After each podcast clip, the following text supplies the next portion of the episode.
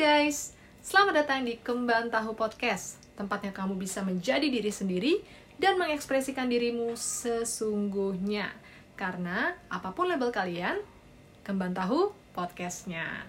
By the way, setiap akhir kerja ya, setelah selesai kerja maksudnya Pasti gue akan langsung buka iPad dan masuk ke aplikasi yang namanya TikTok Wah itu aplikasi gila banget sih aplikasi ini bikin gue bisa duduk lebih dari setengah jam hanya mantengin dan scroll semua video di FYP. Tapi ya teman-teman, kita semua udah tahu ya pasti, apalagi kalian yang sering main TikTok. Kalau video yang muncul di FYP biasanya terkait dengan apa yang menjadi minat kita atau yang biasa kita akses. Atau juga yang biasa kita gunakan hashtagnya sebagai postingan. Sebagai contoh, kayak gue.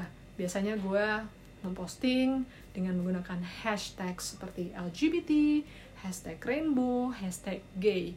Makanya nggak heran di FYP yang munculnya video-video seperti itu.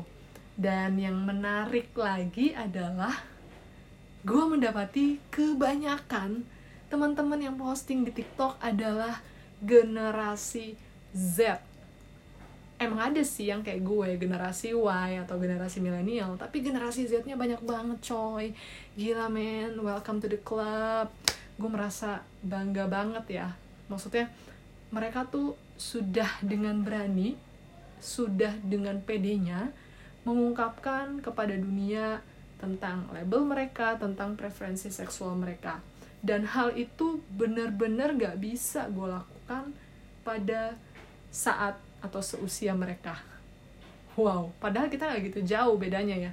Kayak gue sendiri pun masih lahir di tahun 90-an dan sekali lagi gue pengen memberikan apresiasi. Kalian keren banget.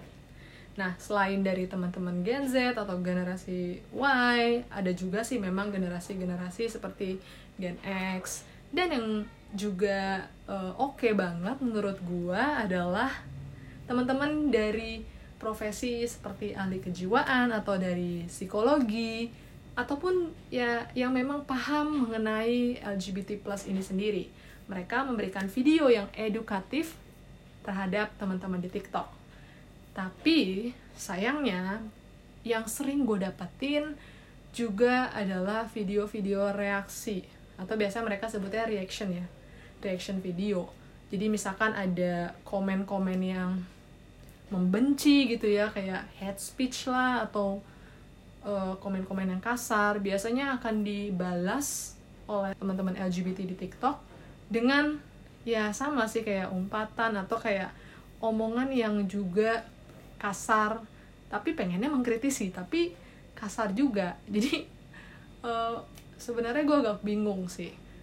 Sebenarnya gue agak bingung harapan gue sih cuma satu ya teman-teman kita sebagai komunitas dari LGBT plus ini tidak perlu menanggapi dengan sinis dengan uh, bahasa yang kasar kepada komentar-komentar ataupun eh, sikap-sikap yang uh, tidak mengenakan di sosial media dari para haters atau orang-orang yang close minded. Mengapa demikian? Gue bukannya so bijak. Ini semua uh, bisa keluar dari mulut gue karena gue mengalami sendiri yang namanya perdebatan dengan teman-teman yang close minded tersebut. Jadi ceritanya waktu itu gue ada di grup WhatsApp dan semua teman-teman di situ, orang-orang di situ menyerang pendapat gue. Diawali dengan salah seorang uh, waktu itu ada cowok yang posting uh, gue lupa sih ya gambar atau tulisan gitu yang menjelek-jelekan LGBT dan sontak dong. Gue yang sangat bersemangat gitu kan membela uh, kelompok kita komunitas ini. Gue marah dan gue menjawab uh, berdebat dengan mereka gitu kan. Dan ya ujungnya apa? Ujungnya nggak nggak ada gitu. Ujungnya nggak akan ketemu karena mereka yang close minded ini memiliki pemahaman memiliki keyakinannya masing-masing terhadap isu LGBT sedangkan gue pun juga memiliki keyakinan gue bahwa ya nggak ada masalah gitu loh dengan menjadi uh, bagian dari LGBT community ini dan akhirnya kebenaran itu ya berbenturan gitu bukannya gue malah uh, membuka pikiran mereka, mengedukasi mereka.